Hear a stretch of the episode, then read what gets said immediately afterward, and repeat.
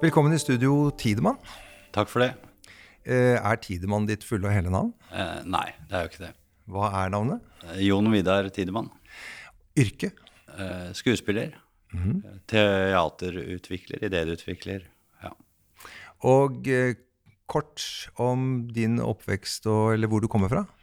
Det er litt lang historie, men det starta på Tøyen i Oslo.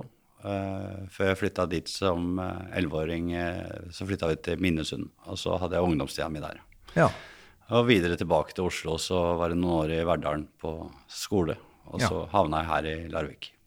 Hva var det som gjorde at du havna her i Larvik? Ja, det er en litt tilfeldig historie. Ja. Jeg kjørte et eh, sånn eh, turisttog i Stavern i 2007. eh, før siste året mitt på, på Høgskolen i Nord-Trøndelag, skuespillerskolen, så møtte jeg noen fra kommunen på byen. Som sa at her satses det veldig på kultur. Vi har kulturhus klart splitter nytt om kun kort tid, og, og det virka lovende. Og de ville ha skuespillere hit, fikk jeg høre da. Så da flytta jeg ned hit med meg sjøl og to fra klassen min. Ja. Så, og da møtte du din eh, nåværende kone også? Da møtte jeg kona mi, som jeg har nå, og har blitt værende da siden 2008, som jeg kom Ja. hit. Ja. Som nyutdannet skuespiller, rett og slett. ja, som nyutdannet. Det du fikk høre om, eh, var det noe som slo til? Det var ikke så mye som slo til av de, de løftene. Eh, kulturhuset står jo der, men det var jo brukt veldig mye penger på kulturhus, eh, så det var ikke så mye penger igjen til å produsere kultur. I hvert fall ikke for profesjonelle. Eh, det finnes støtteordninger kommunalt for, for veldig mye frivillighet, barne- og ungdomskultur og idrett, men det finnes ikke noen støtteordninger for profesjonelle. Da må du på fylkeskommunen eller Kulturrådet og andre steder. Og nå kommer vi til en av de grunnene for at du sitter her og snakker i en mikrofon. Ja. Eh, for du kom opp da med en idé. ja. Hva var det? Jo, eh, på skuespillerskolen min så var var jeg veldig tufta på at alle skulle gå ut og, og skape sin egen arbeidsplass. Eh, og kunne styre oss sjøl økonomisk, markedsmessig, og, og skape nytt teater som folk ville se. Dra et nytt publikum inn i teatersalen. Eh, Alle hadde sine ideer, og jeg sto der litt, eh, litt uten noen idé. Så var det faktisk på et nachspiel oppe i Levanger der. Så, så kom jeg på fader heller, jeg har Vålerenga. Det engasjerer meg. Jeg elsker Vålerenga, har alltid vært Vålerenga-supporter. Jeg må kunne lage noe om dem. Om fem år så er de 100 år. Eh, det kan bli noe. Jeg vil fortelle Vålerengas historie fra en scene. Så da begynte jeg å jobbe med det. Og begynte å banke dører, kontakta klubben, klanen eh, og skuespillere som jeg kunne tenke meg kunne være med i dette, som var Vålerenga-supportere. Eh, og så begynte liksom eh, ballen å rulle litt. Eh, Første jeg fikk med, var jo en som ikke er Vålerenga-supporter i det hele tatt, som er Kjetil Indregard. Eh, på manus så spurte jeg kunne du tenke deg å skrive det her. Eh, ja, ja, det, det kicka han på. Han eh, holdt på med et eller annet lag i Nord-Norge, men, eh, men det hørtes spennende ut. Så da hadde jeg på en måte manusforfatter. Så du, du må få noen sånne hjørnesteiner i begynnelsen av sånne prosjekter for, å, for at andre uh, skulle ville høre på hva du har å, å si, da, tror jeg. Ja.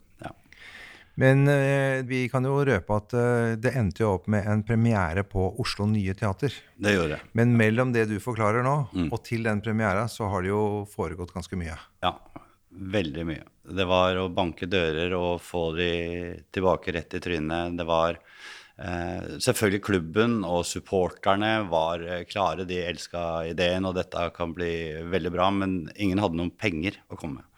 Så, så, hvor, eh, så jeg var og leita. Kan jeg finne private sponsorer? Kan jeg finne eh, velgjørere? Kan noen bare spytte inn litt, så vi kan begynne å skrive manus? For jeg hadde jo manusforfatter. tenkte jeg, Har jeg noen scener, så kan vi begynne. For jeg søkte Kulturrådet. Nei, du har ikke noen scener, du har ikke noen karakterer. Du har bare manusforfatter og en idé.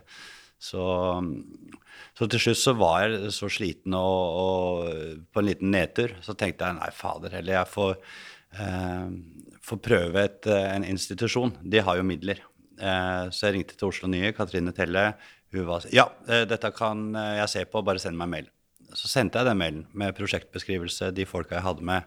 Så ringte de et par dager seinere, Og da hadde de diskutert eh, hva de skulle gjøre i forbindelse med Vålerengas 100-årsjubileum dagen før. Så jeg traff eh, spikeren på huet og hadde egentlig griseflaks. Og det tror jeg også er en faktor i det å, å være nyskapende og, i prosjektene sine. Da. Du må ha litt flaks, men du må også ha en god idé. Ha, og du, andre må synes at du har en god idé. Og det må være et grunnlag, mm. publikumsgrunnlag. Noen, du må vite at hvem skal se det her. Det tror jeg mange ikke tenker på når de prosjekterer kultur.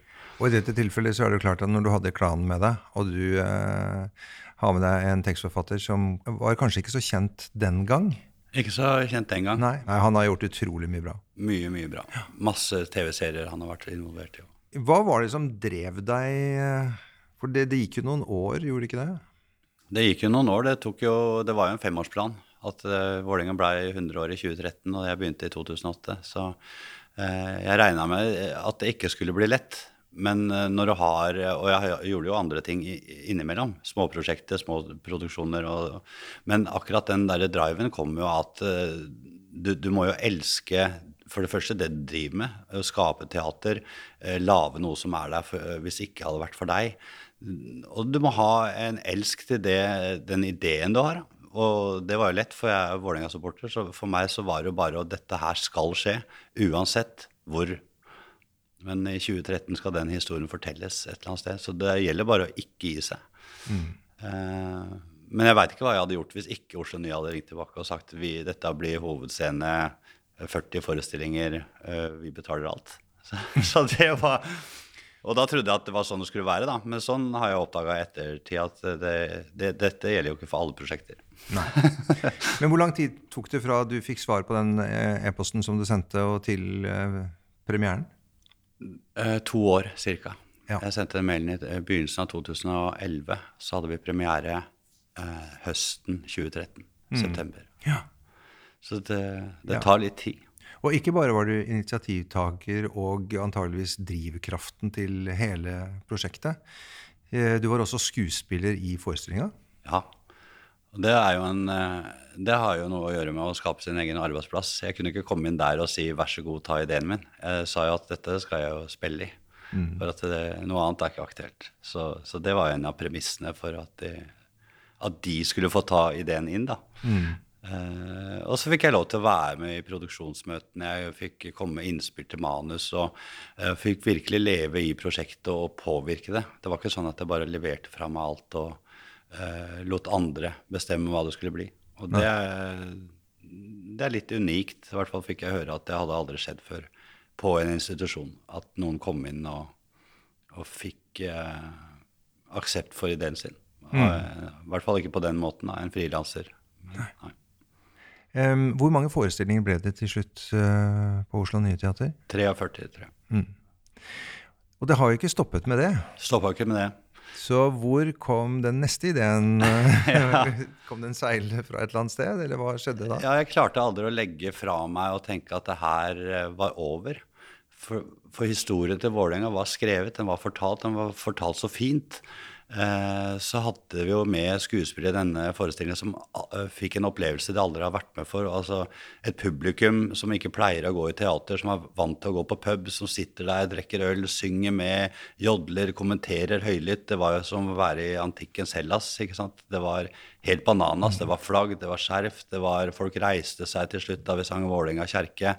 De sa dette har vi aldri sett før. Hele, og dette er anerkjente skuespillere som har jobba 40 år på teater. Som, det var magisk. Eh, og de som var der, Vålerenga-supporterne, savna det. Jeg tenkte hva kan vi gjøre nå? Folk hadde mast i flere år og fått gitt ut på DVD. Eh, men så tenkte jeg fader, eller det kan vi få til. Det fikk jeg til eh, i 2018. Da hadde jeg allerede bestemt meg for dette her kan jeg lage spel av. Eh, vi kan ikke være spel, for det er det bøndene som driver med. Vi må være spill. Så vi blei Østkantspillet, etablerte jeg da. Eh, og så satte jeg det opp eh, igjen. Søkte kommune, kulturråd, lokale sponsorer. Fikk med Janitsjar, Mannskor, Vålerenga skole. Altså, vi var sikkert 30-40 bedrifter inne og organisasjoner. Hele Vålerenga idrettsforening på frivillige. banka det opp i Vålerengaparken i 2019. og veldig godt besøkt, og det blei uh, veldig godt mottatt. Ja. Mm. Ja, det er jo helt fantastisk. Jeg må jo bare si at uh, vi er jo kolleger men som aldri har jobba sammen før. Ja. Jeg så forestillingen eh, på Oslo Nye, og det var helt fantastisk og helt unikt. Tusen takk for at du sier Eh, det. det, var det. Så jeg kjenner jeg blir litt rørt når jeg sier det, fordi at det, å skape noe som var så unikt, det er ganske spesielt. Ja. Så, så, så det skal du ha. Veldig flott sagt. Og, og du er jo ikke Vålerenga-supporter, så jeg tror kanskje det på Altså, det publikummet som ikke var eh, hadde en relasjon til Vålerenga, fikk på en måte Det publikummet som var Vålerenga-supporter, fikk Det blei en del av forestillingen for dem, da. Fordi de fikk et innblikk i et miljø som de aldri hadde. Og, og en teaterforestilling og en respons fra publikum som ikke er vanlig, da. um, nå har det vært eh, pandemi. Så dere skulle vel ha spilt uh, spillet uh, også i 2020, skulle dere ikke det? Både i 2020 og i året. Ja. Eh, Så det betyr at uh, det blir spill igjen, men man vet kanskje ikke helt når?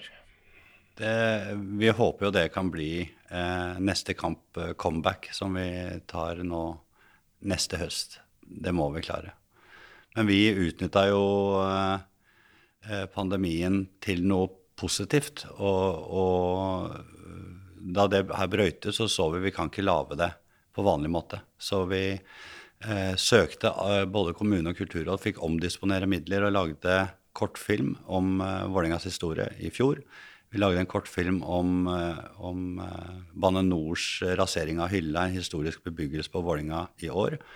I tillegg så lagde vi en urpremiere om en, en karakter fra stykket som heter Kyteren, en alkoholiker. Eh, og lagde en miniversjon av spillet som vi spilte på Vålerenga vertshus i fjor. I år så fikk vi den inn eh, på Oslo Nye Teaterkjelleren, og vi ble til og med invitert på, til Milano på en internasjonal teaterfestival med den forestillingen. Så vi klarte virkelig å, å, å bruke noe negativt, eh, selvfølgelig, som pandemien er, til å virkelig produsere og være nyskapende selv under alle disse restriksjonene. Så det er vi veldig glad for vi fikk til. Ja. Følg oss gjerne på Facebook, Larvikspodden Ropert eller Vi350. Du finner også Larvikspodden på Spotify og der du laster ned podkast. Ansvarlig for podkasten er Foreningen Ropert, produsent Virvel AS.